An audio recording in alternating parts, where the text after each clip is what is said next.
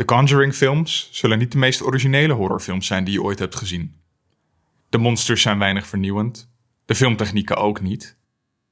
Maar toch, toch zit je bang in de bios of op de bank. Toch ben je heerlijk aan het griezelen. En toch weten de jumpscares je weer de stuipen op het lijf te jagen. Wat maakt dat het verwachten toch zo eng is? Mijn naam is Tom Aalmoes en dit is Kiki Dingen. Mijn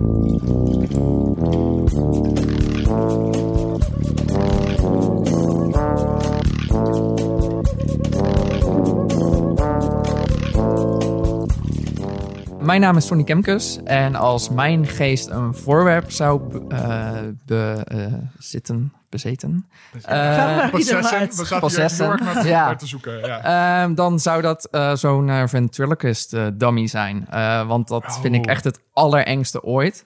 Ehm, dus ja, als je dan in iets moet zitten, dan kan je beter iets zijn wat super eng is. Het en, is eh, ook echt het fucking engst ooit. Ja, kippenvel heeft dat vroeger voor mij eh, ja, verpest eigenlijk. Hmm. Of goed gemaakt, ik weet het niet. Eh, maar dat vind ik echt sinds eh, ik 12 ben echt een van de allerengste dingen. Ja, ja, ja, nog enger inderdaad dan clowns. In Buffy the Vampire Slayer zit ook een afschuwelijke aflevering met zo'n ja. eh, met zo'n ding. Eh, mijn naam is Linda Duits. En als ik een object zou kunnen bezitten, bezeten, possessen... dan zou ik... Er is natuurlijk geen object, maar een kat. Ik zou natuurlijk altijd een kat... Ik zou een horrorkat willen zijn... Ehm, en ehm, anders, ja, eh, in de rij creepy dingen, eh, een schommelstoel. een hobbelpaard. Alles wat uit zichzelf ook kan bewegen. Of ook gewoon eh, een televisie met static. Oh ja. ja, dat is wel goed. Oh, ik ja. zou eindeloos... Ja, ik zou heel veel plezier hebben om eindeloos dingen te pos- possessen. Ja, lijkt me ook wel heel erg leuk om gewoon puur om met mensen te fucken. Eh, en ik zou dan ook, eh, mijn naam is dus Tom Amoes. En als mijn geest een object zou bezitten, bezeten, possessen, ehm, zou het een boek zijn. En dan zou ik gewoon afwachten in de boekenkast. Totdat iemand hem open doet. En dan met zo'n zo'n Harry Potter boek met van die tanden die dan achter je aankomt. eh, Maar zou sowieso ik ook een je boek dat dan zo... dat dan al die bladeren Ja, ja, ja. kunnen... En dat er, dan, dat er dan letters op lichten met, weet je wel... I am out to get you, of zo. Ja, ja, gewoon hallo, mijn naam is Tom. Mijn naam is Tom Aalmoes en dit is Kiki Dingen. Dit is creepy dingen. zou mij heel erg, eh, heel erg leuk lijken. U hoorde hem al even. Sonny Kempkes is weer bij ons te Yay! gast. Vriend van de show en al vaker te gast geweest hier natuurlijk. Sonny, hoe gaat Alles, alles het allervaakst, toch? De gast Ik denk het allervaakst inderdaad. Wat een eer. Ja. ja, we hebben je graag te gast. Nou, Ja. Fijn om te horen. Ehm, het gaat eh, oké met mij. Ik eh, ja, zit zoals iedereen heel veel thuis en eh, kijk daardoor wel heel veel dingen. Dus dat is goed voor deze podcast, denk ik. en eh, ik heb sinds kort een PlayStation 5, eh, waar ik heel blij mee ben. Dus Waar ik heel jaloers op ben. Ja, Eh, dus daar speel ik nu ook eh, heel veel op. Maar is de PlayStation 5, is die ook... Want je vertelde net dat je echt, echt letterlijk 200 uur op zoek bent geweest naar dit apparaat. Ja. Wat, is het ook dat de spelervaring zoveel vetter is? Dat het die 200 uur waard is. Ja, je kijkt verdenkelijk. Ehm, nou, het was wel heel veel tijd. Ehm, het is wel iets wat je gewoon een beetje tussendoor doet, zeg maar. Ehm, Zoals twitteren. zoals twitteren. Ehm, ja, het is wel echt heel vet. Het ziet er echt zo goed uit. En eh, hij, is, hij is er nog maar net, eigenlijk. Eh, en eh, het is ten opzichte van de PlayStation 4 echt een gigantische verbetering. En ja, de spellen die er nu al zijn, zijn al zoveel verder dan wat er was. Dat eh, nou, als het nog meer doorontwikkeld wordt, ja, dat gaat echt helemaal geweldig zijn. Ik Merk je dat dan ook echt in laadtijden en zo? Want dat is echt gewoon nu met... Er zijn als ik- geen als ik- laadtijden.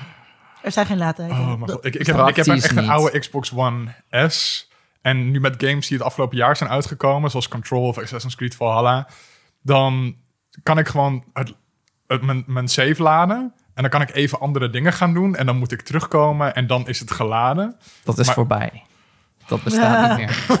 Ik heb Jolien. Spider-Man eh, Miles Morales gespeeld. En dan ja, heb je dus New York. En Ja. het is echt best wel groot. En eh, ja, er zijn geen laadtijden. Dus je kan de metro nemen als je niet wil slingeren. Wat, wat ook hartstikke leuk is om Mhm. dat gewoon wel te doen. Maar richting het einde denk je soms, nou, ik wil toch even snel nog Ja. daarheen. Ja, binnen een seconde eh, ben je aan de andere kant van de stad. En Wauw. ja, dat is echt geweldig. Ik gebruik dus bijna geen quick travel meer in games, omdat ik dan zit van, ik doe het liever zelf wel. Ja, nou, dat, Ja. dat kan je, dat, dat heeft eindelijk dus weer nut. Fantastisch. Ik bedacht, ik bedacht me net, eh, eh, toen ik die vraag aan jou stelde, dat ik voortaan ook als iemand een nieuwe verkering heeft, dan, dan ga ik ook zeggen, was het al die uren swipen waard? Is deze versie daadwerkelijk beter dan degene die je hiervoor had? Wel een heftige vraag hoor. Dat moet, ik ik weet niet of mensen daar heel blij mee gaan zijn. voor een partner, denk ik. Ja, nou ja, ja, ik denk dat het een leuke vraag is. Ja. Goed, we gaan terugblikken. Ehm, nou, dan kunnen we eigenlijk gewoon wel gelijk doorgaan bij jou, Sonny. Van, Yes. Wat heb je nog meer allemaal de laatste tijd eh, Ehm, meegemaakt? ja, zoals ik al zei, heb ik heel veel gekeken. Dus het was even lastig om een eh, selectie te maken. Oké, je mag Ehm, er drie. mag er drie. Ehm, nummer één is dan eh, een nieuwe Netflix-film, The Mitchells vs. The Machines. Eh, oh, ik was bang dat Tom hem ook zou hebben. Nee, nee, nee. Eh, animatiefilm van, eh, nou, geproduceerd door Lord en Miller, die mensen misschien kennen van de Lego-film en eh, Lego Batman. Ja. Ehm, Beste film ooit. dat zegt Linda. Ehm, ja, Oké. wel heel goed, heel goed. en Oh, eh, ja, Oké, het is een beetje een provocatie. de Maar beste, de beste Beste film, Batman-film ooit. Sowieso de beste Batman film. Mm, Ja, ja. dat, dat wel. Ja. Ehm, het verhaal is, nou ja, weet je, eh, technologie is een ding en eh er is een robot uprising, want iemand, een soort Apple heeft eh, ja, iets, een slimme AI gemaakt en die is te slim en die wilde alle mensen. Ja, ja. Goed, dat verhaal hebben we wel eens gehoord, maar het is met zo'n energie en eh, enthousiasme en ja, dat, wat dat betreft lijkt het wel een beetje op de Lego-film. Ehm super goede voicecast. eh Maya Rudolph, eh, Olivia Colman, eh, Danny McBride. Ja. Ehm, dat ik echt er heel veel plezier mee had. En eh, nou ja, staat dus op Netflix. Echt een eh, aanrader. Eh, ja, vader-dochterrelatie ook een beetje. Het is allemaal een beetje. Ik heb het eerder gezien, maar het is zo leuk gedaan dat is het, gewoon goed eh, niet uitmaakt. Ja. Ja, zeker. Maar dat is ook natuurlijk waarom die Batman-film zo goed is. Omdat ja, alle Batman-films zijn zo'n beetje al gemaakt. Maar ze doen dat met zo'n knipoog en zo grappig. En inderdaad, het enthousiasme waarmee die film dat maakt. Gewoon Het is ook heel zelfbewust en heel veel knipogen naar, naar nou ja, alle andere films die eh, hetzelfde soort verhalen hadden. Ja, ja, ik heb hier al meteen zin in. Ik ook. En eh, nog eh, iets, eh, Shadow and Bone, ook weer op Netflix. Oh ja. Ik zat pas nog te klagen dat Netflix er geen leuke dingen meer uitbrengt. Maar eh, nou, ze zijn al eh, de laatste maand weer goed bezig. Young Adult serie, normaal niet echt mijn favoriete ding. Eh, was ik een beetje klaar mee na, nou ja, Zelf de- adult zijn geweest. nou, nadat er zoveel dingen kwamen. Ja. Ehm, maar hele toffe wereld. Eh, een keer op, eh, nou, ja, ook een boekenreeks is het natuurlijk. Ehm, vanuit, eh, ja, een beetje gebaseerd op Rusland. Eh, en ja, er is magie en er, nou, er is iets, eh, een soort duistere plek waar mensen niet doorheen kunnen reizen. En daardoor zijn alle plekken een beetje van elkaar gescheiden. En dan is er natuurlijk één meisje wat opeens de lichtkracht heeft die nog nooit iemand heeft gehad.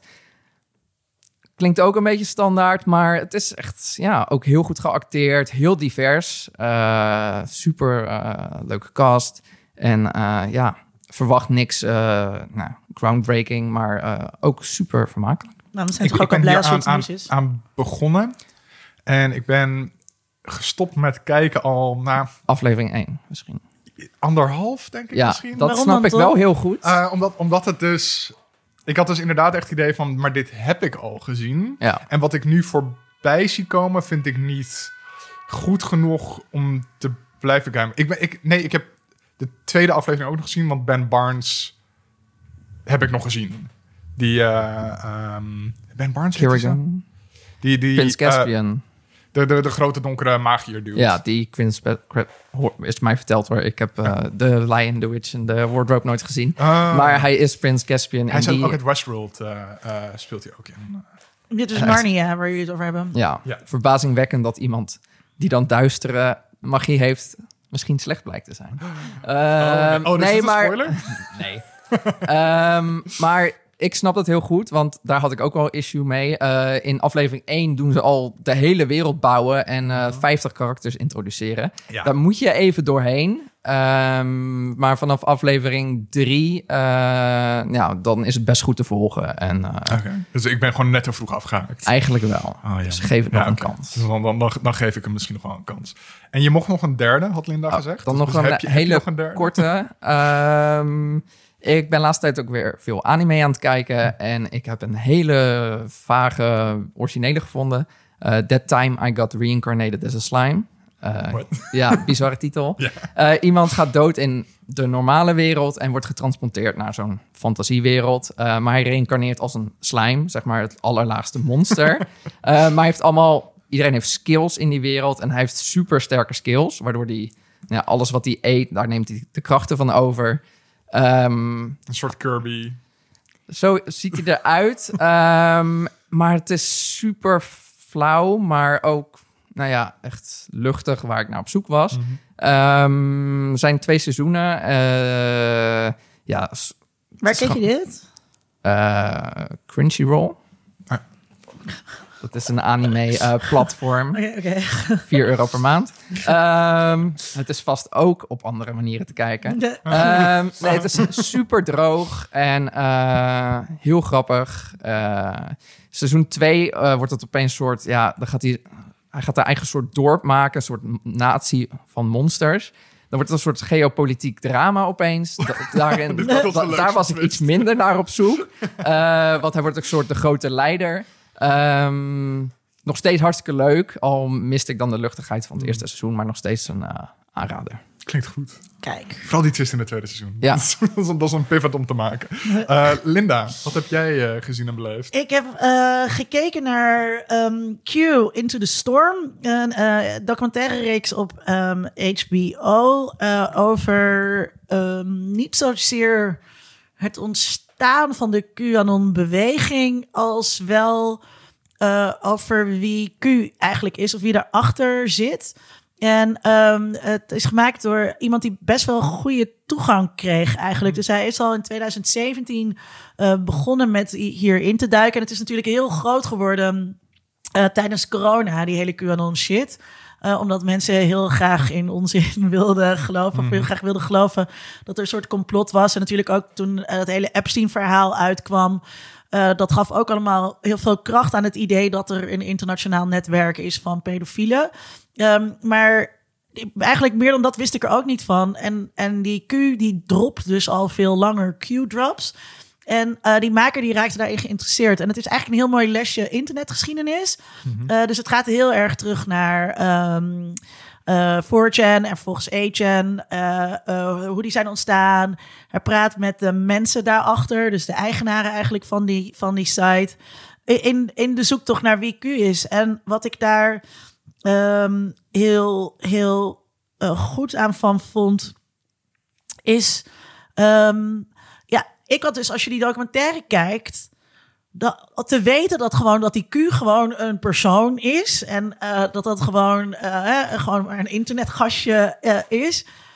Daardoor demystificeert het voor mij in ieder geval die hele beweging. Waarin je kunt denken: is het nou iemand hoog in de military? Of is het toch Trump zelf misschien? Of weet je, dat dat het de- demystificeert. Maar dat maakt natuurlijk voor volgers helemaal niks uit. Eh, Dat want is een cult. Want het, nee, en, en ook, dat vond ik dus ook interessant. Die, die, die volgers ehm, daarvan, die komen zelf nauwelijks op, eh op HN en die latere opvolger van, eh van HN. Ehm, want dat is eigenlijk allemaal op de internet ingewikkeld. Dus er zijn gewoon een aantal Q-watchers die daarover eh vloggen en podcast maken. En daar luistert het grote publiek vervolgens naar. En het doet er dan dus ook niet meer toe wie die Q is.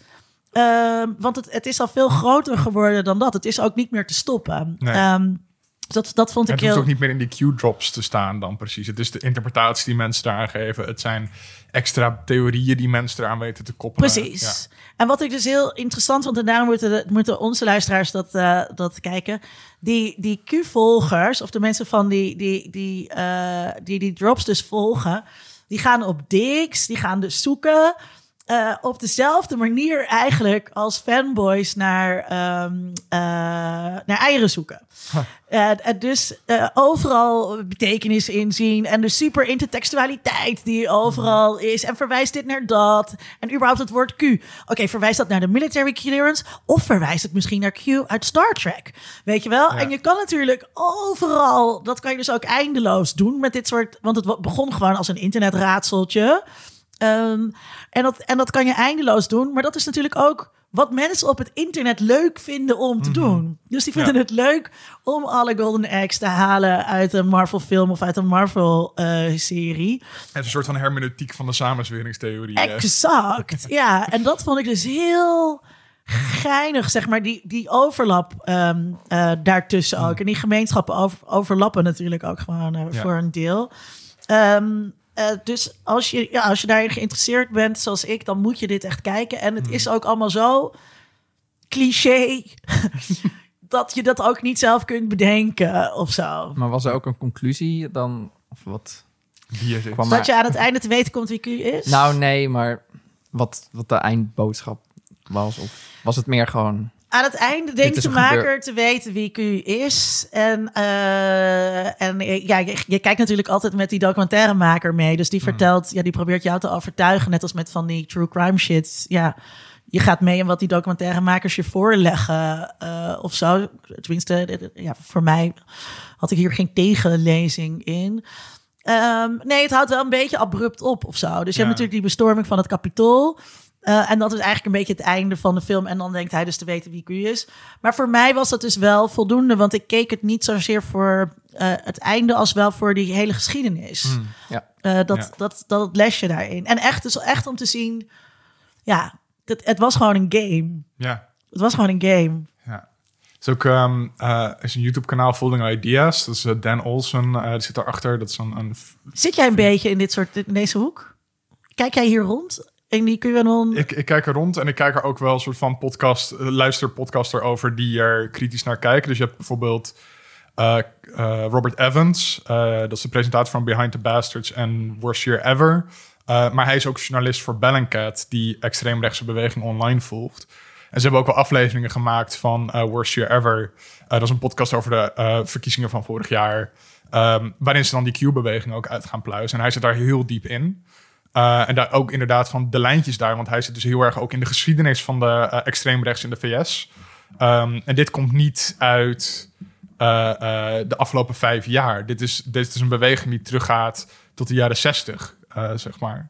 Ja, en, met psyops ook en zo. Ja, ja en, en ook heel erg witte suprematistische ideeën en samensweringstheorieën. Um, dat, dat, dat broeit natuurlijk al heel erg lang in de VS. Ja. Uh, en dat is door het internet uh, steeds meer aan de oppervlakte gekomen. En het is ook binnen Q. Um, is er ook wel een bepaald geheugen naar dat soort dingen. Dus er zijn bepaalde uh, boeken uit de jaren 70 en 80. Dus bijvoorbeeld, ze hebben het heel vaak over The Day of the Storm, volgens mij. Is, is een term die vaak gebruikt wordt. Dat komt uit een roman uit de jaren 80, volgens mij. Dus er is ook een bewustzijn van die hele brede Amerikaanse geschiedenis van extreemrechtse samensweringstheorieën. En, nou ja, en je kan dat er ook dus altijd weer nieuwe dingen in blijven toevoegen. Want ja. alles is gewoon heel polysemisch en ja. multi-interpretabel. Want het Storm verwijst ook weer naar een film. Um, um, met die gast uit Party of Five. Waarin ze dus zeggen, when we go... Um, when one, we go... One we go on. When we go on, dat zegt hij daar. En dat is Ja. een hele rare zin. En dat blijft, dat is nu een soort Q-taal geworden om die dingen te herkennen. Um, Wibba heeft dat een keertje ook ge- gedaan. Van, het is van afgekort soort van, ik weet niet wat het was, maar het is Wibba go one, we go all. Ja. Dus hij zit ook in die hoek, dat is erg jammer. Haken er ook mensen af trouwens? Want uh, je zag die posts van, uh, oh nee, maar volgende week... Dan gaat echt Ja. uh, Vlinde de macht wordt, uh, wordt hij de bevelhebber van Europa. En uh, ja, nee, volgende week. The Great Awakening gaat Ja. komen. Dat, Ja. ik heb En, dat en dat dat toen steeds niet gebeurde, De zag, leek het alsof de Daily, mensen eh, daar een afhaakten. paar afleveringen over. Dat ze dus ook dat soort mensen dan daarvoor interviewden. En dan ook daarna weer op gingen zoeken van, en het is niet gebeurd. En nu, hoe kijk je daarnaar? Ja, dat, ik heb het daar ook een keer in een, eh, in een, in een column over gehad. Van wat, wat, wat gebeurt er met deze mensen? Net als bij een cult, weet je wel? Oké, de, de, de, de apocalyps komt en hij komt niet. Ja, op een gegeven moment moet je toch ook weer naar je werk. Ja. Weet je wel? En, en, moet je, en ik denk dat dat... dat eh, dat we daar ook als samenleving wat meer over na mogen denken. Ook nu met corona en zo. Van eh, wat, wat als, weet je wel, op een gegeven moment komen die mensen erachter dat er geen 5G-chips ingespoten zijn. Ja. Eh, en, ja, die, en die mensen moeten ook gewoon weer naar hun werk kunnen. Die moeten Ja. ook gewoon weer terug wel, verwelkomen in de kudde. Over dat, over dat groeien, dat, ik, ik vind dit sowieso wel interessant om te zien. Hoe bijvoorbeeld tijdens Gamergate... ehm, eh, eh, in één keer allerlei groepen samenkwamen die, daar, die voorheen niet zozeer samen waren gekomen. Ja. Dus gamers en incels en, en eh, ehm, wit, nationali- wit nationalisten. En dat die hele alt-right beweging zo'n samenraapsel daarvan is. En dat bijvoorbeeld Thierry Baudet daar ook heel handig op ingespeeld heeft, denk ik. Met zijn Clown World eh, dingen ook. Dat, Precies, wat hij nu doet, ja. wat hij ook nu doet. Maar dat je dus nu ook ziet dat er dus bij die QAnon-beweging nu ook de, de kruidenvrouwtjes zijn gekomen en de yogamutsen. En eh, dat, het, dat het op die manier dus steeds groeit tot een, tot een steeds Ja. groter wordende kluwe Ja, van- dus dat is ook, van ook, mafketels. wat ik wilde zeggen met de- dat, dat video, eh, die video van eh, Dan Olsen van Folding Ideas. dat is een hele leuke video over Flat Earth. Dat die ehm, gaat over geloof in samensweringstheorie, hoe dat zou kunnen ontkrachten. En waar die Flat Earthers toch allemaal gebleven zijn. Ja, En dat is dan de twist in de video. Flat Earth is niet weg. Flat Earth is opgegaan in QAnon ja. dat zit daarin. Er is gewoon een, een subsectie van QAnon nu, die zit van, ja, Q en de aarde is plat. ja. Ehm, dus dat, dat, dat is QAnon, een soort van, eh, hoe heet het ook weer, binnen religie, dat je al die verschillende sectes kan verbinden. Daar is een naam voor. Ik weet het niet meer. I don't know, katholicisme, eh, maar gewoon, eh, dat. QAnon is ja, breed genoeg om al die verschillende stromingen eh, eh, zonder contradictie in zichzelf op te Ja, kunnen maar nemen. juist denk ik dus omdat het zo, eh, omdat die betekenisgeving zo open staat, Ja. omdat het allemaal zo raadselachtig is. ja, daar kan je, daar kan je eindeloos, Ja. daar kan je eindeloos in ver. Omdat je het dus inderdaad niet hoeft uit te spellen. En je hoeft ook geen, je hoeft ook geen tegenstellingen op te lossen. Je Nee. hoeft ook nergens op te antwoorden. Nee. Of zo, terwijl die flat earthers, ja, die moeten dat natuurlijk wel. Oké, maar dit is geen QAnon-podcast. Nee, Dus we gaan door naar de maar, eh, ja, maar, ik, maar ik vond het dus wel absoluut een kijktip Ja, ja. op, ehm, op eh, HBO dus. Eh, eh, maar niet de Nederlandse HBO, dus je moet het altijd nog even downloaden. En eh, daarnaast heb ik eh, een boek gelezen waar ik helemaal flabbergasted van was. Ehm, het heet Wij zijn licht van ehm, Gerda Blees. En eh, zeg ik dat nou goed? Gerda Blees We kijken nu allemaal naar de kast hier. Ik, eh, ik, eh, ik kijk nog even dubbel na. Heel, ja, wat ik zei, eh, ja, Gerda Blees. Echt, eh, zij heeft een manier van storytellen die ik nog nooit heb gezien. Het gaat over een woongroep die ehm, eh, wil leven van licht. En eh, daar, daarom uh, bedenken ze op een gegeven moment... laten ze zich ook door allerlei internetgoeroes een beetje beïnvloeden. En, en gaan ze dus kijken hoe lang ze niet kunnen eten. Maar dat is allemaal een beetje... dat is de, dat is de achtergrond van het verhaal. Um, zij, zij kiest hele speciale vertellers... En daarin ben ik heel geïnteresseerd. Want ik vind storytelling dus heel interessant bij series. En dit denk ik dat dit ook alleen maar in een boek kan. Ik weet niet hoe dit zou gaan als ze dit, als ze dit gaan, gaat verfilmen. Uh, maar dus elk hoofdstuk heeft een andere verteller. En het eerste hoofdstuk, uh, en die vertellers zijn altijd samen, dus het is altijd wij. Dus het eerste hoofdstuk is wij zijn de nacht. Um, en dan wordt het dus verteld vanuit het perspectief. Maar je hebt ook een hoofdstuk dat zijn, um, um, wij, wij zijn het geweten van Tom. uh, maar ook wij, wij zijn twee sigaretten. Wij kennen elkaar verder niet, want we worden nu op twee afzonderlijke momenten uh, gerookt. Zijn ook niet in dezelfde fabriek gemaakt. Uh, maar we weten natuurlijk wel hoe het is als mensen ons oproken. Ah. En aan de hand van die vertellers wordt dat boek dus ontvouwt dat verhaal zich dus. En het is zo fucking vet gedaan. Ik heb dit gewoon nog nooit eerder Ik ben heel benieuwd gezien. hiernaar. Ja. Huh. Ik weet niet, ja, ik vond het dus geeky genoeg om dit te noemen yeah. in de podcast. Ik, ja, het was echt, uh, het, was, het was voor mij echt uh, een, een, soort bevreemdende ervaring ook. En ik heb het uh, heel snel uitgelezen, want elk, elke keer ben je dus een hoofdstuk, allemaal korte, hele, korte hoofdstuk. En dan denk je, oké, okay, wat heeft ze dus nu? Wat gaat ze nu weer bedenken? Mm. En het boek is enorm, dus het is best wel zware thematiek, want er is gewoon iemand dood. En die leden van die woongroep, ja, de vraag is of zij daar natuurlijk schuldig aan zijn. Uh, omdat ze allemaal gestopt, met z'n allen gestopt zijn met eten. Uh, maar dat, dat, is best wel een zwaar onderwerp. Maar het boek is heel licht. Het heet namelijk ah. Wij zijn licht. Letterlijk. het is met een soort vrolijkheid uh, geschreven. Ja, echt een aanrader. Klinkt heel Cool. bijzonder. Ah, heel het was benieuwd. heel bijzonder. Ja. En dat is voor een Nederlands eh, roman. Ja, Dat verwacht je ook niet, want daar ben ik verder ook niet per se heel erg fan van. Klinkt verder geen waardeoordeel uit. dat was wel een waardeoordeel. Ja, oké. Eh, wat was dat dan? Eh, dat was hem. Oké, goed. Ehm, zelf heb ik... ehm, Ja, ik heb ook nog eh, drie seizoenen Real Housewives of Beverly Hills gekeken. Yes. ik weet niet of jullie daar, Daar iets... kan ik Nee. wel een half uur over praten. Ik weet niet of jullie daar nog iets over willen volgend weten. seizoen van Geeky Dingen hebben we het alleen maar hierover. Oh, we zullen weer een keertje... eh, Wacht, ja, welk seizoen? Dat is even belangrijk. Welke? eh, de eerste drie heb ik nu gekeken. Oh, de dinner party.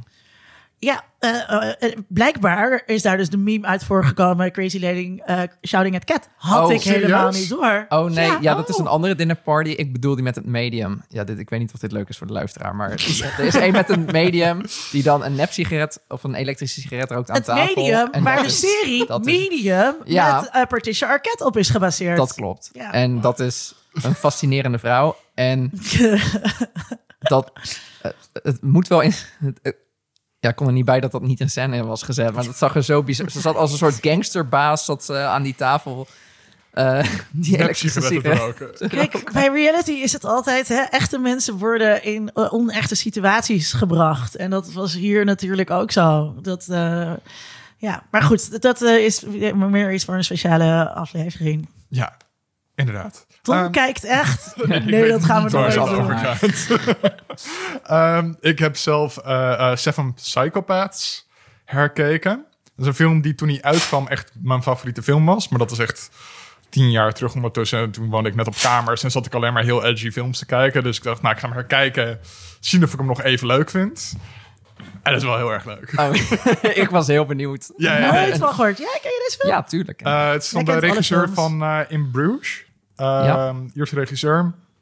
Ehm, en het heeft Colin Farrell in de hoofdrol als een soort van mislukte alcoholische screenwriter. Was toch ook in Bruges, is toch ook met Colin Farrell? Ja, ja. ja, het is ook van de eerste regisseur, dus dan is ook wel dat dat hij er dan niet, dat is niet ook heel that's racist. Nee, er er zit ook wel, er zit een beetje een soort van, er zijn opmerkingen over Ieren in die film waarvan ik zit van, is dit racist? Gewoon van, dat, dat, het is een Ierse screenwriter die aan de drank zit. En op een gegeven moment scheldt een karakter hem heel erg uit van... Gewoon, tuurlijk, jullie Ieren met jullie alcohol en zo. Dat ik echt zo van, oh, dit gaat wel een beetje, beetje ver. maar het is, het is door een Ier gemaakt en door een Ier gespeeld. Is dit met een knipoog? Ik weet het niet. Ehm, anyway, eh ook gewoon de screenwriter. Heel slecht in film schrijven. En hij bedenkt dat hij een film gaat schrijven over zeven psychopaten. Uh, maar hij wil dan ervaring opdoen met echte psychopaten. Dus hij post een advertentie in de krant van psychopaten zoek me op. Uh, ik wil jullie interviewen. Um, en door de hele film heen um, worden de psychopaten aan je voorgesteld. Um, en sommige psychopaten blijken al in zijn omgeving te leven. Uh, dus bijvoorbeeld zijn, zijn allerbeste vriend. Oh, het was Linda's onderbuurman. nee, dus bijvoorbeeld zijn allerbeste vriend. Je denkt, uh, dat is een gewone gast. Maar dat blijkt gewoon een seriemoordenaar te zijn.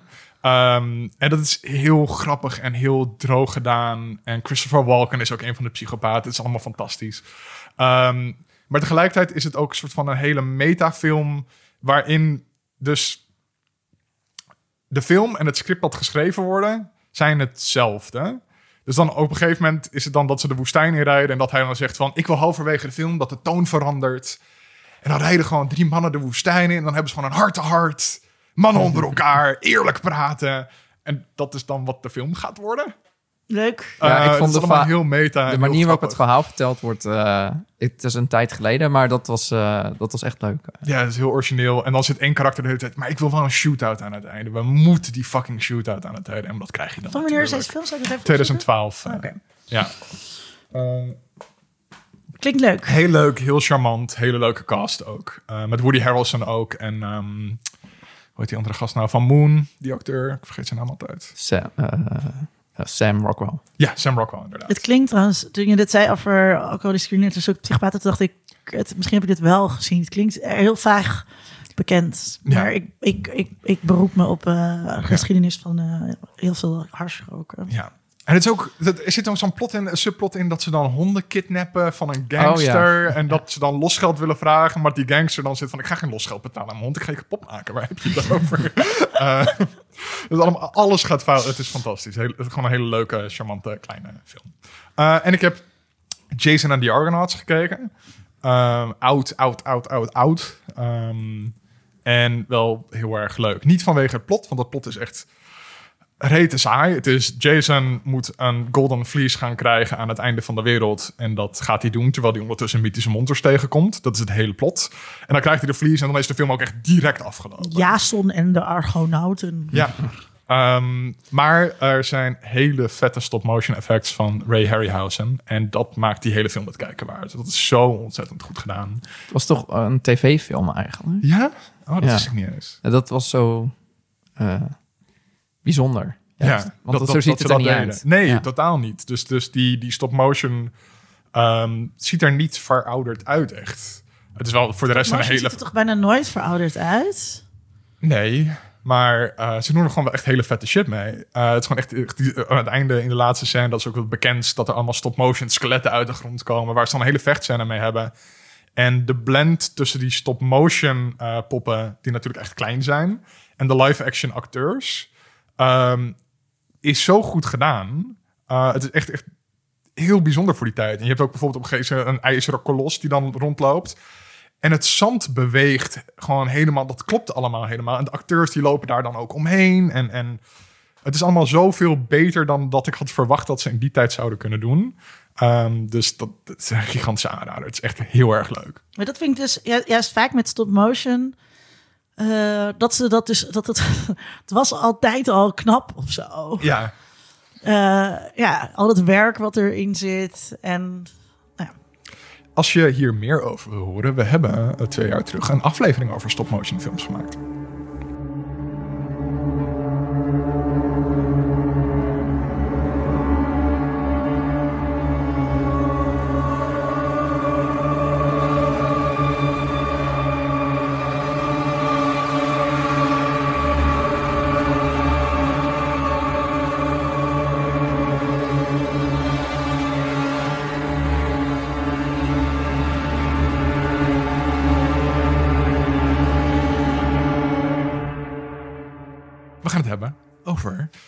Conjuring. En dit onderwerp werd aangedragen door Sonny.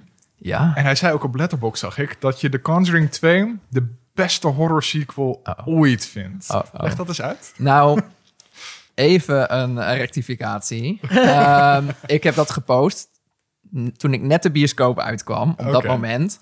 Toen ik hem in een donkere zaal met een hele groep mensen had gezien. Oké. En ik was heel enthousiast. Ehm, ik heb hem nu natuurlijk weer herkeken. Ik vind hem nog steeds heel goed.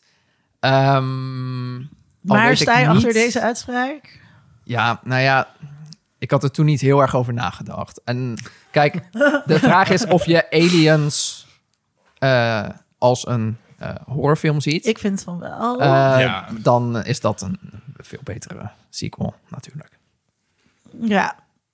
Ik, ik kan me dus Maar- wel voorstellen dat... dat ehm, ik vond het jammer dat ik deze films niet in de bioscoop keek. Mm.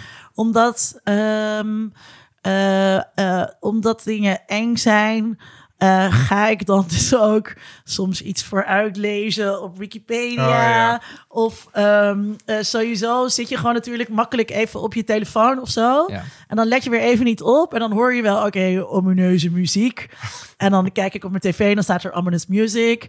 En dan, ehm, eh, maar dan soms moet je weer even terug om ook even lekker in de scène te zitten. Om gewoon de hele cameravoering te volgen. En dat is wel echt jammer dat je thuis, en dat ligt natuurlijk gewoon aan mezelf, dat ik thuis zo makkelijk afgeleid ben. Ja, want er zitten in deze films heel veel dingen op de achtergrond Mhm. en eh, in hoekjes. En eh, als je dan even naar je telefoon kijkt, dan kan je Schijnt die dat... man daar nou doorheen? Zie ik nou op die stoel? Is het dan die man?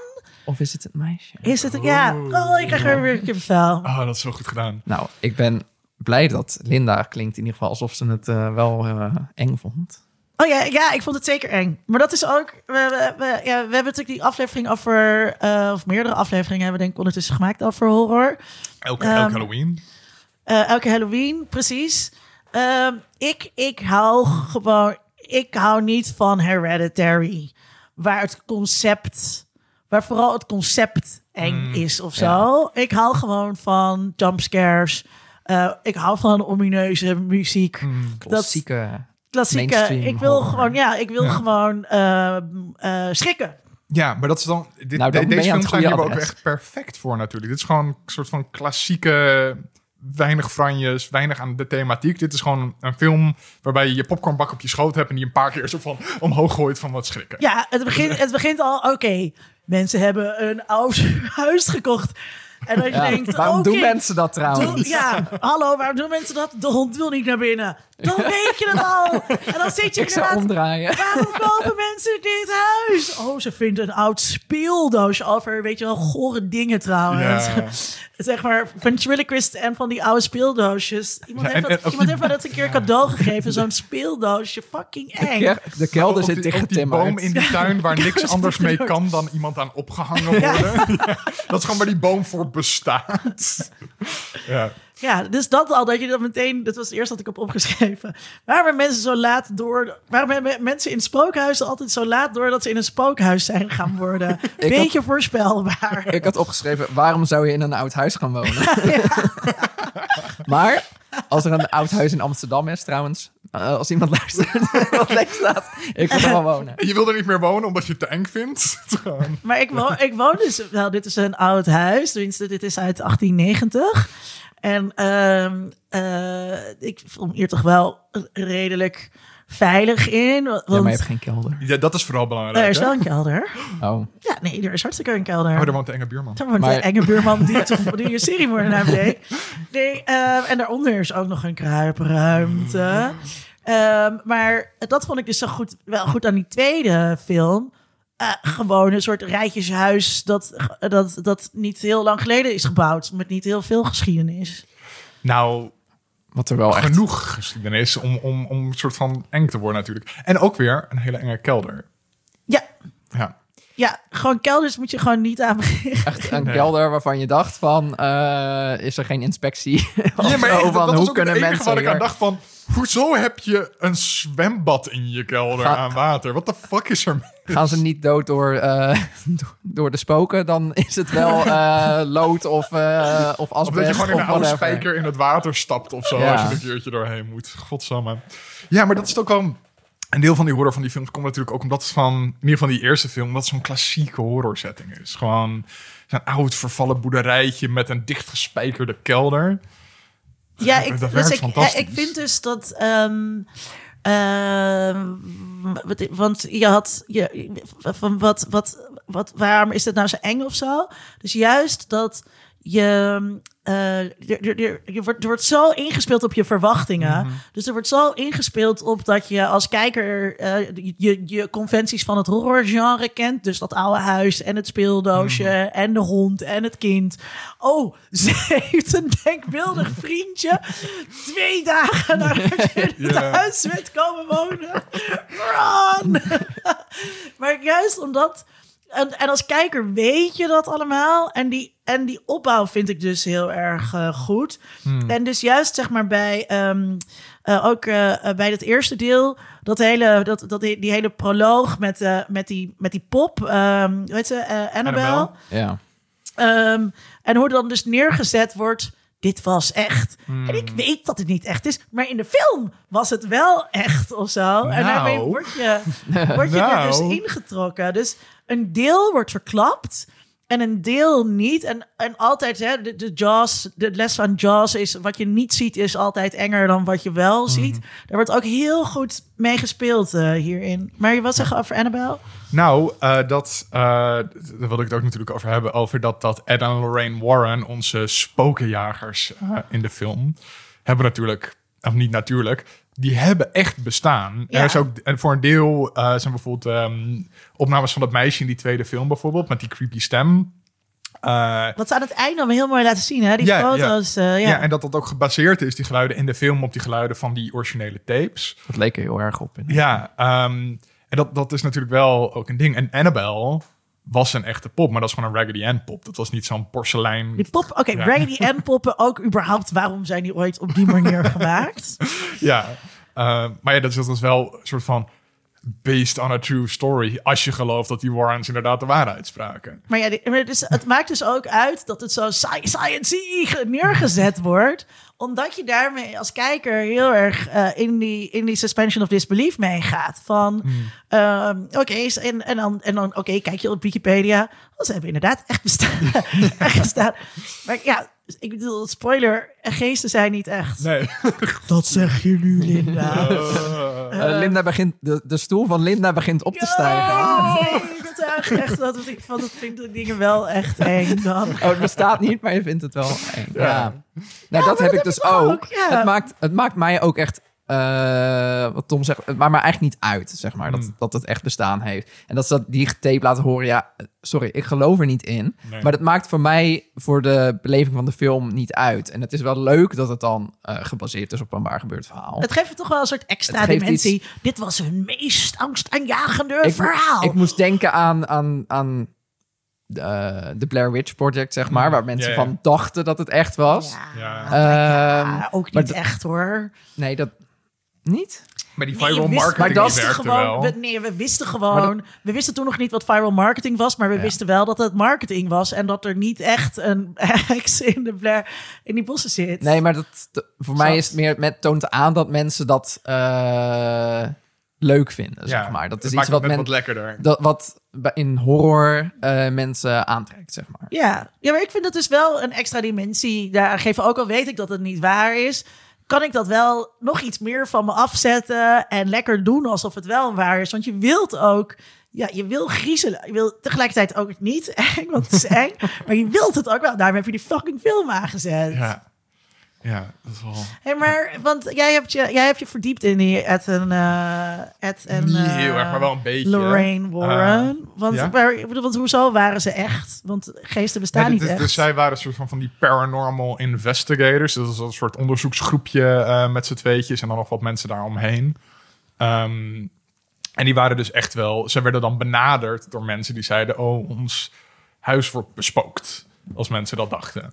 Eh, en dan gingen ze daar dan onderzoek naar doen. Ehm, en eh, zij verdienden dus geen geld met eh, die zaken oplossen. Met, Maar- de, met, de, met, de, met de exorcisms. Nee, met de exorcisms. Dat was allemaal een soort van... dat deden ze allemaal voor gratis en voor niets. Maar wat ze vanaf het begin af aan al heel slim deden... was de verhalen van al die dingen die ze dan meemaakten... tussen aanhalingstekens... verkochten ze door aan schrijvers en aan eh, filmstudio's. Ehm, dus je had ook de eh, Amityville Horror.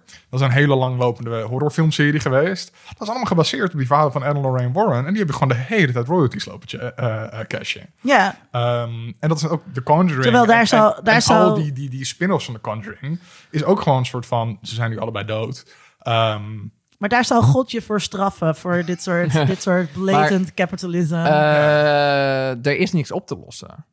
Nee. Jij zegt ze lossen niks op, maar er is niks op te lossen. Wat dus, je er dus op te lossen? Je moet nou ja, iets- je, moet kan de poltergeist toch- niet... Ja, maar er is, die is er niet. Niet in het echt. Oh, Nee, maar, maar dat denken, Dus, dus, dat denken dus, zij dus- wel. Dus, dus, Oh ja, dus die echt. die staat ergens gewoon met een hamer op een pijp te slaan. en eh, die vrouw die zit van, oeh, ik, ik voel het. Ehm, ja, dat soort mensen heb je nu ook nog steeds. Maar en, dat, dat is eh, dus wel grappig. Aan het begin van twee, dan eh, zegt hij... Ja, nee, kijk, eh, je hebt hier deze oude pijpen. En, Ja. het- en de wind komt dan precies. Ja, dat dat ik is met mijn natuurlijk ook- dat om, om hen nog science iets van eh, gewicht te geven, zeg maar. Ja, maar dat geeft natuurlijk opmerkers. altijd meer. ehm, en daarom, dat vond ik dus leuk gedaan, ook in deel 2. Dat, ehm, eh, weet je wel, dat dat, dat, dat dat meisje ook een deel gefaked heeft. Ja, dat maakt dus ook de rest. Ja, het, het hoeft niet dat je één deel fake betekent niet dat de rest niet echt is. Weet je wel? Dus dat, dat er heel veel dingen niet echt waren, betekent niet dat dat het nooit kan ook. gebeuren, Sonny. De demon in die jouw wil huis. juist dat het natuurlijk overkomt alsof het nep is. Zodat je het gezin verder met rust laat. Ja, daar heb ik nog wel wat eh, vragen over. Nou, stel ze. ehm, even kijken hoor. Ehm eh, wat had ik dat hier ook alweer, had ik dat ook weer opgeschreven? Ik had tussendoor wel nog een vraag dan. Oké, oké. Kom jij eerst. Waarom spelen ze op zo'n enge manier verstoppertje? Wat met de klappen? Met, een, met dat klappen en een Oh. blinddoek. En ik dacht van, wij, is dat iets Amerikaans? Wij hebben dat niet. Wij deden dat ook Eh, nooit zo, je val- nee. val je van de trap af? Of ik wat vond het wel echt een hele effectieve scène. Dat was wel Ik vond, ja, dat werkte heel goed. Ja. Ik hoor je ademen. Ja. Oh, En, en, die, en, en die handjes die dan uit die kast komen, zo. Ja, dat was... eh, Oh, Alles met God. kinderen is sowieso eng. Ja, fair. Oké, Ja. mijn vraag is: ehm, er wordt dus gezegd van God doet alles met een reden. Eh, dat zeggen die Ed en Lorraine ook de hele tijd. God dus heeft ons samengebracht met een reden, zodat we dit allemaal kunnen doen. Maar ehm, ik ben niet heel erg eh, katholiek opgevoed met een. Ik ben wel katholiek opgevoed, maar niet heel erg met een Satansbeeld. Aha. Eh, want dat was een beetje, daar deden we niet meer aan. Dus mijn moeder heeft ook op een gegeven moment gezegd van, ja, de hel, daar gelooft niemand meer in. Hmm. Oké, blijkbaar zijn we klaar met Satan, maar... Opgelost. maar ehm, eh, dat kan je wel zeggen. Maar Satan, die, die, die speelt vuile trucjes. Weet je wel? Dus je kan wel zeggen, God heeft dat. Maar het zou ook Satan kunnen zijn geweest die jullie bij elkaar heeft gebracht. The Ja, maar dat- dan kom je natuurlijk weer bij- ever bij het-. Ja, precies. The greatest trick. Ja, the devil ever pulled is convincing people the devil doesn't exist. Ja. Dat, ja, waar kom je dan uit? Ja, op, op dat probleem van het filosofische probleem van kwaad dat bestaat in de wereld. Van dat dat eh, eh, kwaad en een almachtige God, dat is een probleem dat je moet oplossen op een bepaalde manier. Want als God almachtig is en er bestaat kwaad in de wereld, Ja, wat de hel God? dan is hij flawed. Ja, ehm, Ja, zeg je nou, maar dat, en, en, en, zeg je nou van- dat religie inconsistent is? Nee, nee, nee. Er zijn, er zijn hier boeken volgeschreven over hoe dit allemaal wel kan natuurlijk. Oh ja, Eh, en dat ben ik allemaal direct vergeten na het vak middeleeuwse filosofie op de universiteit. Ja, maar is dat ze, ver- ze vertrouwen dus wel heel makkelijk op wat ze denken dat, dat God heeft eh, gewild. Terwijl, ja, je bent niet in een kerk. En, eh, En die eh, demonen gaan toch juist ook tegen God in? En het, je moet juist God oproepen om die demon te verjagen. Het is niet dat God daar al is. Nee. Hij moet zeggen, gewoon net als in Exorcist, the power of Christ compels you. Maar ja, dan moet jij toch nog wel eventjes zeggen tegen die demon. Ja. Van, oh ja, weet je nog? Eh, Je was het misschien vergeten, maar dit is dus een kruis. Oh ja. oh ja, kut, ik moet hier niet zijn. Ah, shit, je weet mijn naam. Ehm, maar dat vind ik ook, ook wel leuk aan dit soort films altijd. Dat dat dus dan, eh impli- nou niet impliciet, maar gewoon expliciet is gewoon... Ja, God bestaat. Dit zijn religieuze films. Nee, dit zijn geen religieuze films. In, in principe wel, toch? Ze zeggen gewoon, De film God zegt bestaat. God bestaat, ja. Mm, Het katholicisme heeft gelijk. Ehm, ik, ik, nee, ik denk niet dat, het, ik- dat ik het daarmee eens ben. Eh, sowieso is het wel interessant. Eh, eh, het, het katholicisme is natuurlijk binnen in Amerika heel erg een minderheidsreligie. Daar is bijna iedereen protestant. En wordt, dat, wordt het katholicisme dus heel erg met dat occulte Ja. eh, eh, gelijk geschakeld. En kunnen er binnen dat katholicisme allerlei Harry Potter-achtige dingen die binnen het protestantisme juist helemaal eigenlijk niet kunnen. Alle, alle rituelen en zo die Vanwege die, vanwege die, die ritu- En die rituelen worden natuurlijk best wel te, te kakken gezet of zo. Ja. En ehm, dus ik vind helemaal niet dat ze dat katholicisme zo serieus nemen. Het is meer een setting waarin dat kan. ehm, dan, dan, dan dat je door deze films dat gaat een soort denken. bovennatuurlijke setting is die, die de horror mogelijk maakt. Dus Ja. want dan, heb, dan heb je die demonen, die komen daarbij. Ja, precies. Exact. Ja, ja, ja. Ik vond het wel bijzonder dat de kerk dan bij hun uitkomt, zeg maar. Dat Ja. ze niet zelf iemand hebben. ehm, Ja, maar de Die kerk wilde niet direct is. betrokken waren, Ja. eh, worden. Want Ja, dat, dat, zou PR. een beetje... Ja, ja, dat, was de niet, hè? Ja, maar ook dat ze dan bij die sciencey mensen uitkomen met hun meetapparaten. En Ja. dat, maar dat vond ik dan wel weer leuk. Ja, de kerk wil ook niet in een hoax trappen. Daar moeten ze heel ver weg van blijven. Terwijl de kerk wil de hele tijd in hoaxes trappen. Maar eh, ik had ook even gewikipedia's en eh, daarin staat wel dat, dat alles wel debunked is ongeveer van Ed en Lorraine. Wat hoe is dan die Ensfield eh eh, poltergeist? eh, wat, ja, dat, de, de buren die hebben allemaal gezegd dat het heel anders zat. En eh, ja, wat, en waar kwam die stem dan vandaan? ja dat, dat deed dat meisje.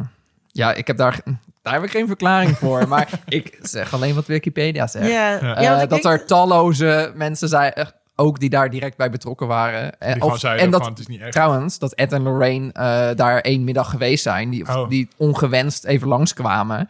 En die daar eigenlijk helemaal niks mee te maken die hadden. gewoon het verhaal kwamen opzuigen. Ja, preees. Maar ik denk dus wel ook dat ehm, eh, de, de, de, de, de, de, de geest, je kunt heel veel in je geest.